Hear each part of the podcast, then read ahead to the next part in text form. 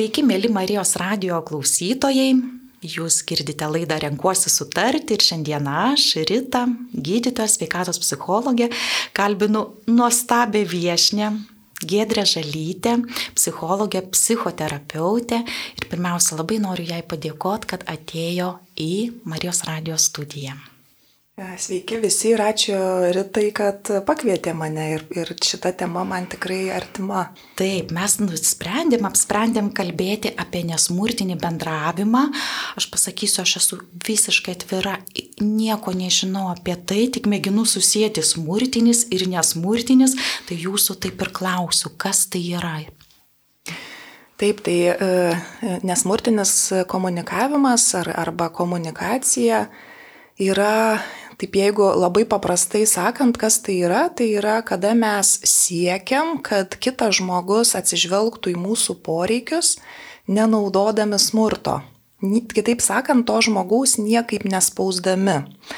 Ir atrodytų, tai kas čia, taip, mes taip ir bendraujam, o iš tikrųjų, jeigu mes patyrinėjom, kaip mes bendraujam vieni su kitais, tai didelę dalį laiko mes iš tikrųjų naudojam spaudimą vieni kitų atžvilgių ir kartais labai gražiai užmaskuotom formom ir net patys to net pažįstam. Kaip sako nesmurtinės komunikacijos šitos visos koncepcijos kuriejas Maršalas Rosenbergas, mes esam įpratę daryti daug dalykų ir esam taip stipriai įpratę tai daryti, kad net nepastebim, kad taip darom ir kad tai yra tam tikras spaudimas. Ir vienas toks e, būdas atpažinti tai e, yra pagalvoti ir gali visi klausytojai pasigalvoti ir mes su jumis galim pasigalvoti apie kažkokį žmogų mūsų gyvenime, kuris elgesi ne taip, kaip mes norėtume.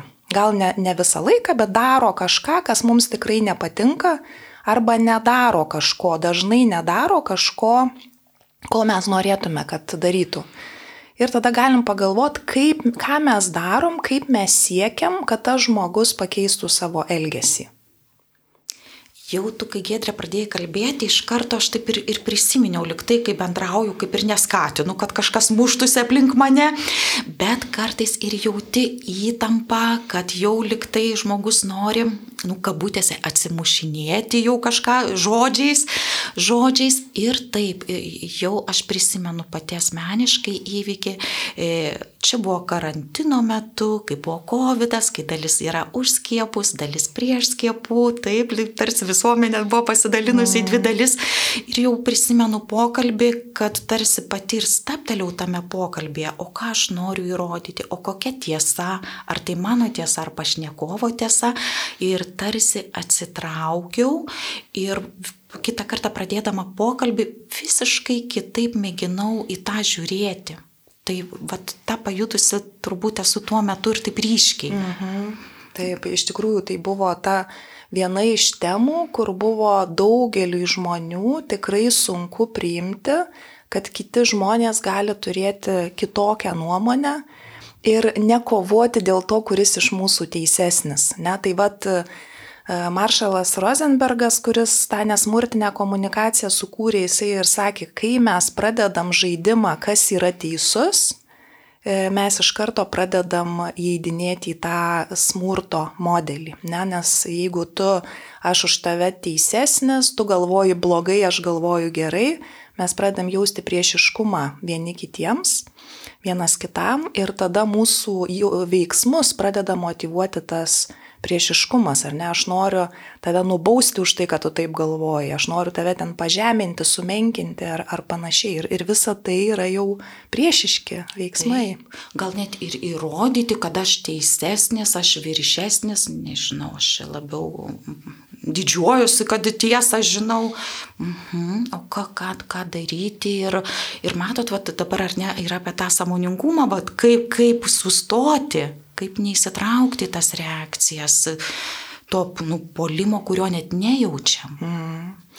Čia toks vienas dalykas, kurio e, mums visiems labai reikia, tai yra nuolankumas tokia gerąją prasme, kad e, tikrai mes nei vienas nepajėgsim niekada taip nepasielgti. Tai visiškai nerealistiškas lūkestis. bet būtent, kad e, kuo, kuo daugiau mes įgundam e, save pastebėti įvairiausiose situacijose, to, tuo daugiau atsiranda šansų, kad mes, kai jau įeidinėsim į tą aš čia teisesnė, aš geriau žinau ir aš tave ten pamokysiu ar ne ir panašiai, pasakysiu tau, kaip reikia galvoti, galim tai atpažinti ir susistabdyti ir pagalvoti, kaip aš kitaip galbūt noriu tą savo nuomonę išdėstyti. Ir nesmurtiniai komunikacijoje yra skatinama, tarkim, jeigu mums dėl kažko e, mūsų nuomonė skiriasi su bet kuo, su kolega, su partneriu, su vaiku, mūsų nuomonės, poreikiai, požiūriai skiriasi kažkokioj situacijoje, tai nesmurtiniai komunikacijoje siekiama pagalvoti, kaip aš norėčiau, kad kitas žmogus elgtųsi, tarkim, ko aš norėčiau iš savo partnerio, ko aš norėčiau iš savo vaiko ar kolegos. Ir kokia aš norėčiau, kad būtų to žmogaus motivacija taip elgtis. Ar aš norėčiau, pavyzdžiui, kad mano vaikas kažkaip elgtųsi iš baimės, kad jeigu jis taip neselgs, aš jį bausiu, aš jam kažko neduosiu ir panašiai. Dauguma žmonių nenorėtų, kad, kad kažkas mumis, nežinau, mūsų poreikius atsižvelgtų tik dėl to, kad bijo mūsų arba kažkokių pasiekmių. Taip, ir čia va labai nuskamba toks svarbus dalykas - poreikiai. Bet kaip atpažinti, pirmiausia, turbūt savo poreikius turi atpažinti ir kaip atpažinti tuos poreikius, kai jų tiek daug, kai jų tiek daug. Taip, iš tikrųjų poreikių yra daug ir e, man atrodo, kad iki šiol daugybė žmonių e, labai mažai žino ypač apie emocinius poreikius. Tai yra, tarkim, ypač va, aš kaip psichoterapeutė bendraudama su savo klientais ir, ir kalbėdamasi apie jų vaikystę, kuri ten buvo, tarkim, prieš 30 metų, kai kurių žmonių prieš 40 metų, galbūt aš taip tikiuosi, kad aš su vaikais nedirbu, Tai e, mažiau žinau apie, apie tai, kaip šiuo metu yra ir tikiuosi, kad yra geriau, bet e, kai mes kalbam apie tai, kas buvo prieš 30-40 metų, tai daugybė tėvų augindami vaikus galvojo, kad egzistuoja tik tai tų vaikų fiziniai poreikiai. Ne? Tai kad svarbu, kad tas vaikas būtų pavalgęs, tinkamai aprengtas, kad jisai pamiegotų tiek, kiek jam reikia. Ir visa tai yra e, lengviau pastebima, nes ir, ir konkretu apčiuopiam, ar ne, pavalgė, nepavalgė, kada atsigulė, kada atsikėlė. Emociniai poreikiai yra daug subtilesnis dalykas, ne, bet kiekvienas vaikas turi ir, ir emocinius poreikius nuo pirmos dienos, nuo, nuo tada, kai, kai gimsta, nuo, nuo pirmos dienos kūdikis jau turi ir emocinius poreikius. Ir vienas dalykas, ką kalbant apie emocinius poreikius ir ypač mažo vaiko, labai svarbu, kad, kad suprastų žmonės ir, ir, ir vėliau gyvenime tai labai irgi išlieka ir kiti dar poreikiai yra, bet tokia viena e, kaip ir kombinacija, kad mums visiems reikia ryšio, ne nuo kūdikystės, reikia ryšio, reikia emocinio kontakto ir reikia erdvės, autonomijos. Ne, ir šitą šitą šokį tokį, kada priartėti, kada atitolti. E, tai yra labai labai svarbi kompetencija jau nuo kūdikystės, nes net kūdikis e, kartais nori, kad jį paimtų, pavyzdžiui, ant rankų, o kartais, kad paliktų ramybėje. Kartais jisai nori, kad jam barškus čia įsbarškintų ir stimuliuotų, o kartais jisai nori tylos ir jam reikia kaip tik sumažinti stimulaciją.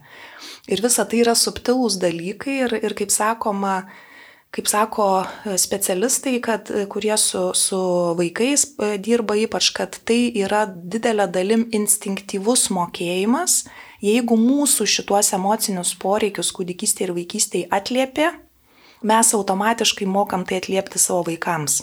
Jeigu netliepė, labai svarbu įsisamoninti, kad aš neturiu šitų kompetencijų ir man reikia mokytis atpažinti, ko mano vaikui reikia ir po to vėliau partneriui, kolegai, ir panašiai. Taip, ir paauglystai turbūt, ar ne, tėvų tas poreikis autonomijos ir priklausimo irgi turbūt labai paš, paštrėja, pariškėja. Taip, taip, taip. Ir, ir jeigu mes, e, jeigu mus gazdina, pavyzdžiui, tas poreikis, kuris tam tikrų metų yra dominuojantis, ar ne, tai sakykime, paauglystai dominuoja autonomijos poreikis. Jeigu, jeigu pavyzdžiui, mama arba tėtė arba abu gazdina tas paauglio autonomijos poreikis, labai sunku yra atliepti tai, kas labai stipriai gazdina. Ne, tai tada jau tie, ir apskritai auginant vaikus yra labai dažnai taip, kad tenka patiems aukti emociškai, kad mes galėtume tuos poreikius vaikų tinkamai atliepti. Taip, tai mes kalbam apie nesmurtinį bendravimą ir apie tai, kaip atpažinti poreikius. Tai vienas iš to autonomijos ir priklausomybės, sakykime taip, arba emociniai, kad išmokėti emociją savo reikšti ir leisti vieni kitiems reikšti ir leisti pykti kas sakydavo, ar ne, vaikams negražu pykti, tu neturi teisės pykti, kad čia nėra ko pykti, tu per mažas pykti. Tai vad leisti tas emocijas išreikšti taip. Ir kaip jeigu dar truputėlį tą pratesiant apie poreikius, e, yra tų poreikių ir kitų, taigi savirealizacijos, tam prasmės ieškojimo, mhm, kokie dar būtų tokie, nes, nes vis tik taip aš įsivaizduoju, kad kaip poreikių žinai savo kito, e, tu tada gali truputėlį tą pokalbį ir pakreipti kitą linkmę. Būtent. Būtent iš tikrųjų e, poreikių yra nemažai ir Ir yra gana įvairių klasifikacijų tų poreikių, tarkim, Maslau, ta piramidė poreikių gana plačiai žinoma. Ten poreikiai vienaip sudėliojami, toj pačioj nesmurtiniai komunikacijoje yra didelis poreikių sąrašas ir, ir galima irgi susirasti ir Rosenbergas taip ir siūlydavo, kad pabandykit atpažinti savo poreikį tiesiogiai, koks čia mano tas poreikis dabar yra. Ir jeigu net pažįstat, tada susiraskit tą sąrašą ir žiūrėkit iš sąrašo, koks čia tas poreikis. Ir jisai siūlo, ten tų poreikių iš tikrųjų yra nemažai, ir jisai siūlo tokį paprastą e, būdą, kad sako, kaip prieisit, vad skaitysit tą poreikių sąrašą ir kaip prieisit tą, kuris dabar jums aktualus, va šitoj situacijoje jūsų kūnas jums pasakys, va čia tai. Mhm. Ir tikrai tai dažnai suveikia. Tai ir gali būti galbūt tas tiesos poreikis, tas pripažinimo, būti viršesniu, nežinau, ar toks yra poreikis. Taip. Būti viršesniu, jie, jie nesmurtiniai komunikacijoje skiria poreikius ir strategijas. Tai e, būti viršesniu dažnai yra strategija patenkinti saugumo poreikiai. Arba, arba meilės pripažinimo poreikiai Nes tarkim poreikis yra, pavyzdžiui, vienas dalykas, aišku, mes visi norim jaustis saugus ir ne tik tai fiziškai saugus, bet ir emociškai saugus.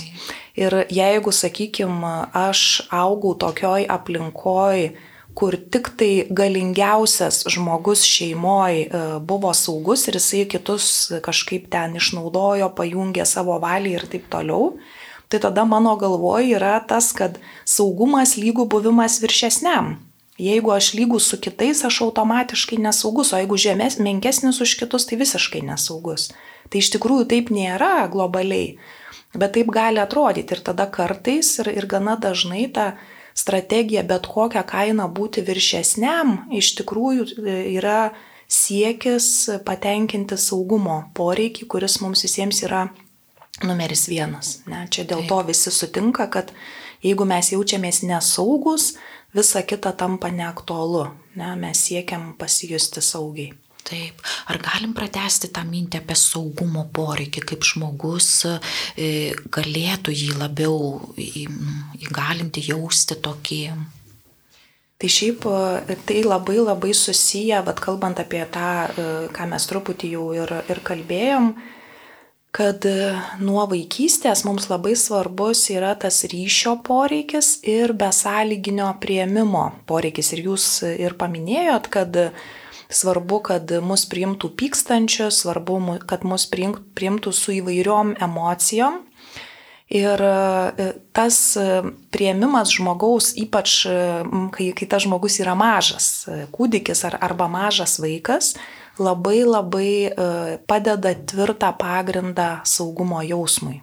Ne? Jeigu aš turiu patirtį iš savo pirmųjų kelių gyvenimo metų, kad ar aš pykstu, ar aš liūdžiu, ar aš droviuosi, ar aš bijau, e, mane priima.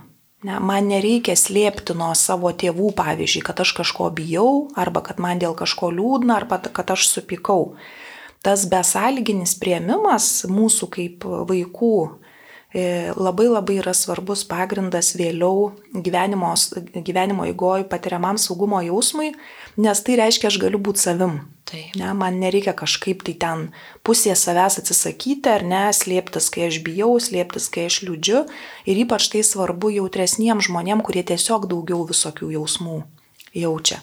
Ir jeigu taip atsitinka, kad, kad mes gaunam daug visokių patirčių, signalų, kad tarkim, verkti yra negerai, ne, pykti yra negerai, bijoti yra negerai, kuo daugiau visko jausti yra negerai, tuo daugiau mes galim jaustis emociškai nesaugiai. Aš jau nekalbu apie, jeigu prieš mus smurtavo fiziškai, tai tada dar, dar visai kitas atsiranda tas nesaugumo jausmas, kad aš galiu patirti fizinį smurtą santykiuose. Taip, taip. Ir galim turbūt klausytojams priminti, kad jei yra e, na, sunkumų, kurie susijęs su, su vaikystės patirtim, tai kad yra efektyviausia turbūt schemų terapija šiai dienai, taip, kuri padeda spręsti. Taip, tai yra viena mhm. iš, iš giluminių terapijų, kur, kur galima perdirbinėti vaikystės patirtis. Taip, taip. Taip. Tai apie poreikius kaip ir pakalbėjome, apie saugumo jausmą, kiek jis svarbus, taip irgi pakalbėjome, ką dar nesmurtinis bendravimas, kaip jį atpažinti, kas, nu, kas padėtų, nes kai tu kalbi, dažnai kalbi e, nu, nesąmoningai, taip, nesąmoningai taip. dažnai kalbi, kad, kad, kaip ten sako, kad kas septynės sekundės žmogus vis ieško progos įsiterpti pašnekovą pokalbį. Tai kaip, kaip atpažinti, kaip pastebėti, ar yra kokių tai galimybių mums. Mm.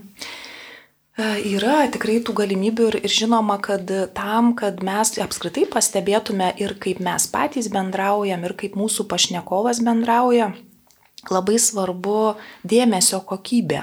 Ne, tai kuo mes e, labiau esam susitelkę į tą pokalbį ir iš tikrųjų ir pašnekovą savo ir matom ir girdim ir patys save irgi jaučiam, savo kūną jaučiam, tuo daugiau mes visko pastebim apie tai, kas, kas šitam pokalbėje vyksta ir ką aš darau, ir ką mano pašnekovas daro ir kaip mes abu jaučiamės tame, tame pokalbėje. Ir nesmurtinė komunikacija moko dalyko, kuris tarsi yra labai paprastas ir kartu mums labai sudėtingas daugeliu žmonių. Tai e, visų pirma, e, tikslas yra, kad mes išsakytume savo poreikį tiesiai, ne, paprastu tiesiu tekstu, koks šitoje situacijoje yra mano poreikis. Ir leistume savo pašnekovui irgi išsakyti, koks yra to žmogaus poreikis. Ir tada e, tokia remdamiesi abipusę pagarbą, kad aš turiu teisę turėti savo poreikį, ar ne, tai yra natūralu. Ir dar kas, kas yra labai svarbu, kad visi poreikiai yra universalūs. Skiriasi tik tai, kokiais būdais mes tos poreikius tenkinam. E, bet iš principo visi poreikiai, jeigu jūs turit tokį poreikį ir aš turiu tokį poreikį, ar ne, sakykime, visiems žmonėms reikia ir, ir jaustis saugiai, ir jaustis mylimiems visiems žmonėms reikia, visiems žmonėms reikia pagarbos, nėra tokio žmogaus, kuris sakytų, man nesvarbu, ar mane gerbė, gali taip sakyti, bet tai nebus tiesa, ne, mus visus e, teigiamai veikia pagarba ir neigiamai veikia nepagarba. Ne, ir, ir visi iš principo tuo, tuo ir remiasi tas nesmurtinės komunikacijos visas modelis, kad jeigu mes iš tikrųjų suprantam, koks poreikis lypi už žmogaus elgesio, mes galim uh, jausti atjautą tam žmogui. Nes tą poreikį turim ir mes. Ne? Tarkim, tas žmogus, kuris siekia, pavyzdžiui, būti viršesnis. Ne? E, jisai, jeigu mes galvojam, va, kaip jis čia negražiai elgesi, lipa per galvą, sakykime, ir, ir taip toliau, tada mes jausim neigiamas emocijas to, to žmogaus atžvilgių ir to elgesio atžvilgių galbūt. Bet jeigu mes e, iš tikrųjų suprasim, kad tas žmogus tokiu būdu siekia patenkinti savo saugumo poreikį, jis tiesiog nori jausti saugus, tampa daug lengviau jausti jam atjautą. Tai vad nesmurtinė komunikacija ir siekia išsakyti savo poreikį tiesiai, ne, ir, ir tai yra daug sunkiau negu kad mums gali atrodyti, nes kai mes išsakom savo poreikį, mes savotiškai tampam nuogi. Taip, pripažįstame. Taip. kas iš tikrųjų mes esam, kad galbūt ir, ir bijantis, ir drovus, ir norintis bendrauti, ir norintis, kad mylėtų, ar, ar būti mylimi. Taip, tai ta nuoga tiesa kartais ne visiems priimtina.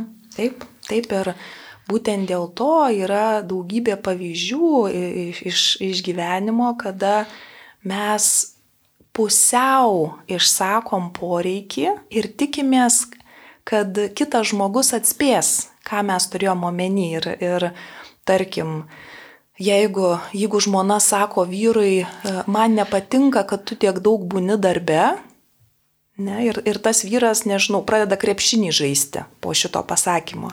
Ne. Jis mažiau būna darbe, bet ar mes tai turėjome omeny, ne taip. taip. Ne? Bet daug pažeidžiamiau yra pasakyti, aš, aš norėčiau daugiau laiko praleisti su tavim. Ne, iš karto aš tampu pažeidžiamesnė, tai yra jautriau negu kad sakyti, aš nenoriu, kad tu tiek būtum darbe. Taip, tai reiškia, kad tu turi pripažinti, kad šiek tiek gal vienišumo jausmą jauti, būdama viena be, be, be stoktinio. Tai va čia apie tą, kaip tu sakai, apnuogintą tą sielą, apnu, mm. apnuogintą tiesą. Taip.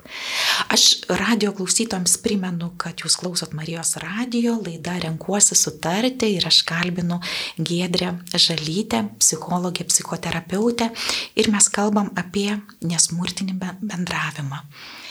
Tai kaip apie tą atvirą širdį dar, apie tą pažeidžiamumą, ar, ar, ar verta būti atvira širdim?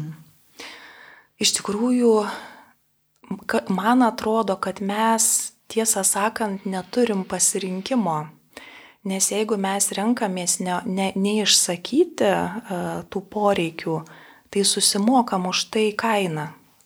Tiesiog uh, Aišku, yra toks variantas, kad mes galim bandyti apeiti ten per aplinkui, ar ne? Nu, tarkim, vat, kaip, kaip sakiau tą pavyzdį, man nepatinka, kad tu tiek laiko būni darbe, ar ne? Dar ne, man nepatinka, kad tu neišplauni indų ar, ar dar kažką, tai ne, ir tu atspėk, ko, ko aš iš tikrųjų noriu ir, ir koks mano poreikis yra nepatenkintas, bet paprastai mes už tai susimokam kainą, nes kitam žmogui lieka neaišku ko mes iš tikrųjų norėjom. Ne? Ir jeigu e, apskritai su mūsų norais ir poreikiais yra daug painiau, negu kad mes įsivaizduojam. Ne? E, ir, ir kaip sako tas pats Rosenbergas, kad dažnai mes klystam, galvodami, kad mes žinom, ko mes norim, bet kol mes to negaunam, tai ir neišsiaiškinam, kad čia buvo ne tai. Ne, kai jau gaunam, tada paaiškėjo, o iš tikrųjų ne tai. Aš nesijaučiu taip, kaip tikėjausi. Tai kaip ir vis tiek tie elgesio eksperimentai reikalingi, naudingi, kad pasitvirtinti, priimti ar atmesti. Mhm. Taip. Mhm. Taip. Bet vad būtent, jeigu mes slepiamės, slapstomės, ne, tai, tai tiesiog tai, taip yra, kad mokam už tai kainą, nėra iš tikro nuoširdaus ryšio su kitu žmogum. Taip. Tas, tas tikras nuoširdus ryšys, o iš tikrųjų tik tai tai e, gali patenkinti mūsų emocinius poreikius ir duoti pilnatvės jausmą, kurio mes visi siekiam. Taip. Ir, ir tada, vat, kol, kol mes į tai neinam, tol yra savotiška tuštuma. Mhm.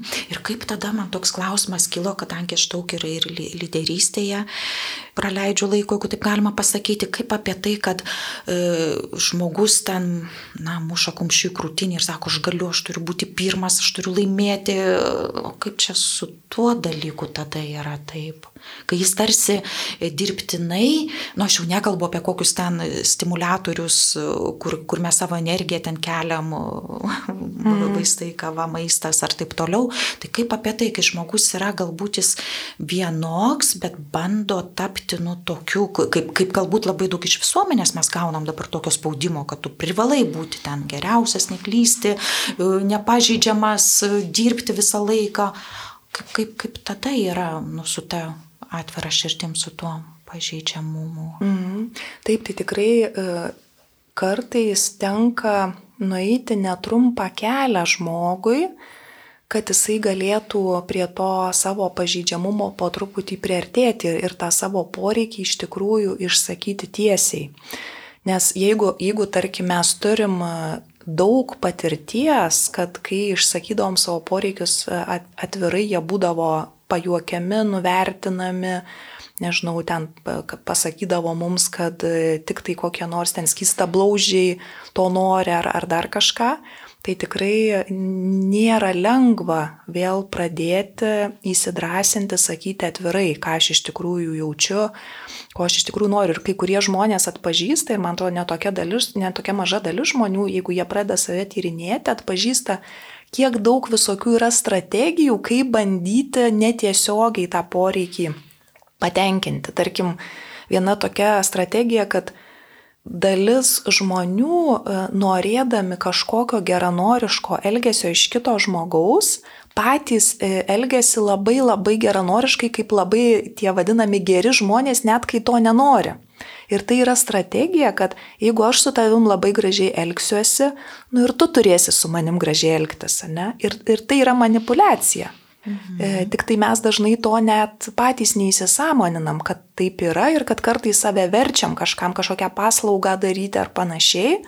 Ir mūsų ten kažkoks vidinis kritikas sako, tu turi tai padaryti, nes jeigu tu nepadarysi, tai tada, kai tau reikės pagalbos, tau nepadės. Pavyzdžiui. Ir tai jau yra e, vidinė, mūsų vidinė smurtinė komunikacija. Mes save gazdinam, kas bus, jeigu nedarysim kažko, ko prašo, pavyzdžiui. Aš ir pagalvoju, ar yra nesmurtinis bendravimas nu, su santykė su savimi. Tai kaip ir minčių, ar ne, ar, ar, su mintimis, kad savęs ne, ne, ne, nežeisti, neskriausti, nespausti. Taip, taip. Ir mes visi nuolat su savim kalbamės, ne, nuolat savo duodam grįžtamą į ryšį. Ir, ir kaip sakoma, jeigu, jeigu e, norim, galim kiekvienas pastebėti, ką mes savo sakom, kai e, netitinkam savo pačių lūkesčių. Pavyzdžiui, patiriam kokią nors nesėkmę, klaidą padarom, kažkas susiklosto visai ne taip, kaip mums norėjosi, kaip mes tada su savim kalbam. Ir jeigu savęs paklausytume, tikrai pamatytume, kiek mes sakom savo e, visokių nuvertinančių dalykų, žiaurių dalykų, gazdinančių ir taip toliau. Tai dabar tęsiant dar laidą, čia bėga laikas šitose laidose su įdomiais pašnekovais. Primenu, kad Gedra Žalytė studijoje psichologė, psichoterapeutė. Tai apie smurtinį bendravimą e, mes negalim lyginti ar ne, tai, tai dar truputuką apie tą nesmurtinį, kas jam būdinga galbūt. Mhm. Tai yra toks tiesiog, kad aš e, išsakau, kai, kai kalbuosi su pašnekovu, aš tiesiogiai įvardyju, e, koks yra mano e, poreikis, koks yra mano noras. Tarkim, nežinau, kad ir, pažiūrėjau, imant tą pavyzdį, kur, kur žmona sako vyrui, kad man nepatinka, kad tu daug būni darbe, ne, sakytume, man būtų tikrai svarbu, arba man, man tikrai svarbu, kad mes, nežinau, tris vakarus per, arba du vakarus per savaitę praleistume kartu namuose. Ir galim dar pasakyti, kaip, kaip aš jaučiuosi, kai mes kartu leidžiam laiką, e, kokius aš teigiamus jausmus patiriu. Bet iš tikrųjų tas, vat, e, kuo aš aiškiau išsakau, kokio tavo elgesio aš norėčiau, tuo tai yra labiau nesmurtinis bendravimas. Ne? Taip. Ir nebūtinai tas partneris elgsis kaip mes norime, bet mes jau bent žinosim, kad jis galbūt nesielgs ir kad aš turiu kažkaip kitaip tada keistis pati, ar ne, ne, ne keisti partnerio, keisti, keistis pati. Būtent čia mhm. labai e, svarbus yra irgi principas nesmurtinės komunikacijos, kad Mes visi tuos poreikius turim, ar ne, ir turim teisę juos turėti, tiesiog žmogus taip sutvertas, bet visiškai nėra būtina ir mes visi iš tikrųjų taip gyvenam, kad ne visą laiką mūsų poreikiai yra patenkinami. Ne? Tarkim, kartais mums labai norisi pailsėti, bet tą dieną yra suplanuota darbų ir mes dirbam, ar ne? Kartais labai norėtųsi kažkuo tai pasidalinti su kažkokiu žmogum, E, bet e, tuo metu nėra jokio žmogaus ar ne kažkokio esam situacijoje, kur nėra su kuo dalintis, e, esam ar vieni, ar turim kažkokį darbą skubų pabaigti, ar dar kažką, nepatenkinam to poreikio. Ir, ir taip visiškai normalu, natūralu yra gyventi, kad dalis mūsų poreikio, jeigu, jeigu beveik nieks nepatenkinama, tai tada negerai. Bet šiaip mes visi esam prisitaikę gyventi tom vadinamom nešiltnamio sąlygom, realiom sąlygom, nuolat yra situacijų, kada mūsų poreikiai nepatenkinami. Ir būtent, kai mes ar savo partneriui, ar savo vaikui, ar ten kolegai išsakom savo poreikį, jeigu tai yra iš tikrųjų nesmurtinis bendravimas, tas žmogus yra laisvas patenkinti mūsų poreikį pagal savo galimybės. Jis neprivalo to poreikio patenkinti, ne? Nes tarkim, jeigu mes esame mažas vaikas, tai mums reikia, kad tėvai kažką padarytų. Jeigu mes esame suaugę žmonės, niekada nėra taip, kad man būtina, kad tu šiandien su manim praleistum vakarą, ar ne? Mums būtina, nežinau, kvepuoti, e, būtina, bet kad su mumis kažkas vakarą praleistų, tikrai niekada nėra gyvybės ar mirties klausimas. Ne? Tai vad, e, kaip, e, kaip sako nesmurtinės komunikacijos tie treneriai vadinami, kad Ar tai iš tikrųjų buvo prašymas, parodo ne kokiu gražiu tonu žmogus tai išsakė ar panašiai, bet iš tikrųjų geriausiai tai parodo, kas vyksta, kai tas poreikis yra neatliepiamas šį kartą. Ne, jeigu aš išsakau savo partneriui, kad labai norėčiau šį vakarą praleisti su tavim ir kad mes nueitume kažkokio filmo pažiūrėti, ar ne? Ir mūsų partneris, pavyzdžiui, atsako, bet aš žinok, girdžiu tavo norą, bet aš jau suplanavęs ten, nežinau, su savo kažkokiu kolega kažką šiandien veikti, tai gal mes kažkokį kitą vakarą galėsim paplanuoti.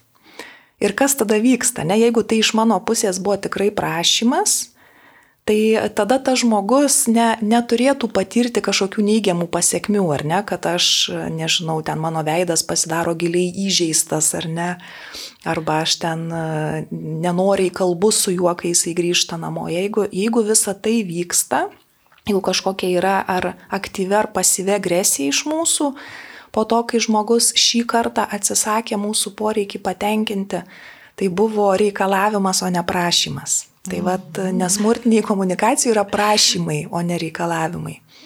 Aha, ir dabar galvoju irgi, kaip galima pastebėti tą bendravimą, kuris jau iš to nesmurtinio jau vyksta, tai tampa mm, vis labiau tokiu e, įtampą keliančiu, tai turbūt ir, ir kūno kalba, ir balsas įsitempia pašnekovo, ir, ir stebėti jo ir, ir veidą, ir, ir, ir su kumščiu suspaustus galbūt. Taip. Galbūt ir. Mhm. Ir save, stebėti save, nes tai, ką jūs pasakėte, iš tikrųjų e, galima stebėti pašnekovą. Ir kartais būna akivaizdu, jeigu, jeigu mes įsiklausom, koks yra balso tonas, kokia yra kūno kalba, spaudimas būna akivaizdus. Bet būna, kad spaudimas yra labai subtilus. Tai yra, pažiūrėjau, žmogus elgesi labai maloniai, labai švelniai ir taip toliau. Ir tada uh, daugiau galima sužinoti apie tai, kas čia vyksta įsiklausius į save. Ne į tą žmogų, nes tas žmogus gali visiškai atrodyti pukelis. Ne? Mhm. Bet jeigu aš viduje jaučiuosi suspausta, pavyzdžiui, jeigu aš jaučiu, kad čia viskas labai gražiai skamba, bet jeigu aš pasakysiu ne, šį kartą negaliu, tas žmogus gali staiga subirėti. Ne? Tai ir, ir tada va, aš į save įsiklausius, aš galiu pajausti, ar aš esu laisva, ar aš šitam pokalbėje esu laisva atsakyti ir taip, ir ne, ar aš esu laisva pasakyti girdžiu tavo poreikį ir dabar noriu išsakyti savo poreikį ir žiūrėkim, kaip mes galim suderinti tuos abu poreikius. Tai jeigu kitas žmogus iš tikrųjų yra toj nesmurtinio bendravimo būsenoj, kad Ir tu esi, ir aš esu, ir tavo poreikiai yra, ir mano poreikiai yra, ir žiūrim, kaip čia mes juos galim suderinti. Mes tada jaučiam e, tokį ir, ir saugumą, ir, ir tokią savotiškai laisvę, erdvę, erdvę būti savim, turėti ir savo poreikius. Taip, tai kitaip tariant, jeigu ta tokia e, sumaištis ar abejonė, tai labai natūrali emocija yra, taip, tai nereiškia, kad tu privalai iš karto kažkokį sprendimą priimti arba tą, tą žmogų suprasti, kad jis nu, tikrai teisus. Tai labai natūraliai priimta, sumaišti tą bejonę kažkokią ir žiūrėti, kur tu, kuriam sprendime tu randi nusiraminimą. Taip. Tikrai taip ir, ir labai čia svarbus įvardyjimas, kad sumišimas yra labai natūrali ir dažna žmogiška būsena, nes Visai neretas atvejis yra, kad mes, pavyzdžiui, norim priešingų dalykų tuo pačiu metu. Ne? Norim, tarkim, ir, ir turėti ryšį su žmogum, ar ne, ir turėti savo autonomiją, kaip suaugęs žmogus. Ir turim tai kažkaip derinti ir mūsų partneris irgi gali panašius turėti priešingus poreikius. Tai tai, kad mes ir savo vidui, ir santykė kartais patiriam sumišimo kažkokias būsenas, išsireguliavimo, kažkokio tai e, konflikto, ne, ne kažkokio audringo konflikto, bet e, konflikto ta prasme, kad tu turi savo poreikius, aš turiu savo poreikius ir kol kas mes nerandam sprendimo ir net nežinom iš viso, ar tie poreikiai gali būti suderinami. Ne? Ir būnam su tą nežinę ir ieškom. Taip. Tai iš tikrųjų tas vat, E, apskritai tam, kad mes galėtume praktikuoti tą nesmurtinę komunikaciją, yra labai labai svarbu žmogaus emocinė branda ir tai yra toks nuolatinis procesas. Jeigu aš neišbūnu su savo jausmais, e, jeigu, jeigu kažkokie, pavyzdžiui, jeigu tik išsigandau ir iš karto puolu kažką daryti, nežinau, išsigandau kažko, iš karto ten skambinu vyrui, jis turi mane nuraminti, ne? Tai tada jis jau nebeturi pasirinkimo, jis turi man atsiliepinėti ar ne ir panašiai labai, labai daug to galėjimo bendrauti nesmurtiniu būdu atsiriamė į mūsų gebėjimą reguliuoti savo emocijas, o tai yra tikrai ne, nelengvas dalykas. Netaip paprasta, netaip paprasta. Ir pabaigai, ar yra, nežinau, gal taip labai jau banaliai paklausiu apie patarimus, na, ar yra rekomendacijos kažkokios bendraujant taip? Šiaip turbūt vienas dalykas, vat, ką, ką noriu gal ir dar kartą pa, pakartoti ir truputį išplėsti, kad ypač kai mes bendraujam su žmonėm, kurie mums yra svarbus, su kuriais mes turim ilgalaikį santyki. Ne? E, tarkim, ar tai mūsų šeimos nariai būtų, ar tai kolegos, su kuriais mes dirbam daug metų, ar tai draugai kažkokie, su kuriais irgi draugystė tęsiasi ilgai ir, ir mums brangus tas santykis, tai vis, vis savęs paklausti, ypač tose kažkokiais kažkokiais įtemptesniais laikotarpiais, kaip aš norėčiau, kad šitas žmogus elgtųsi ir kokia aš norėčiau, kad būtų to žmogaus motivacija taip elgtis, ar ne? Aš natūralu, kad jeigu aš turiu su tuo žmogum santyki, tai aš turiu kažkokių poreikių, kur norėčiau, kad tas žmogus atlieptų. Tai be abejo, kad, kad taip yra, bet daug maloniau yra, kai tas žmogus tą mano poreikį tenkina noriai. Nepriverstas, neprispaustas, ne dėl to, kad kitaip jausis kaltas arba gėda jam bus ar ne, bet tiesiog, kad jisai natūraliai nori mano tą poreikį atliepti. Ne? Ir vad klausimas, kaip man tada taip su juo bendrauti, kad jisai norėtų to santykio su manim ir atliepti mano poreikius. Ir, ir atsakymas yra kažkuria dalim paprastas ir kartu nelengvas, kad visų pirma labai svarbu, kad man rūpėtų jo poreikiai irgi. Taip. Jeigu man nerūpi jo poreikiai arba jos, labai mažai šansų, kad tam žmogui ilgalaikė prasme iš tikrųjų rūpės mano poreikiai. Taip.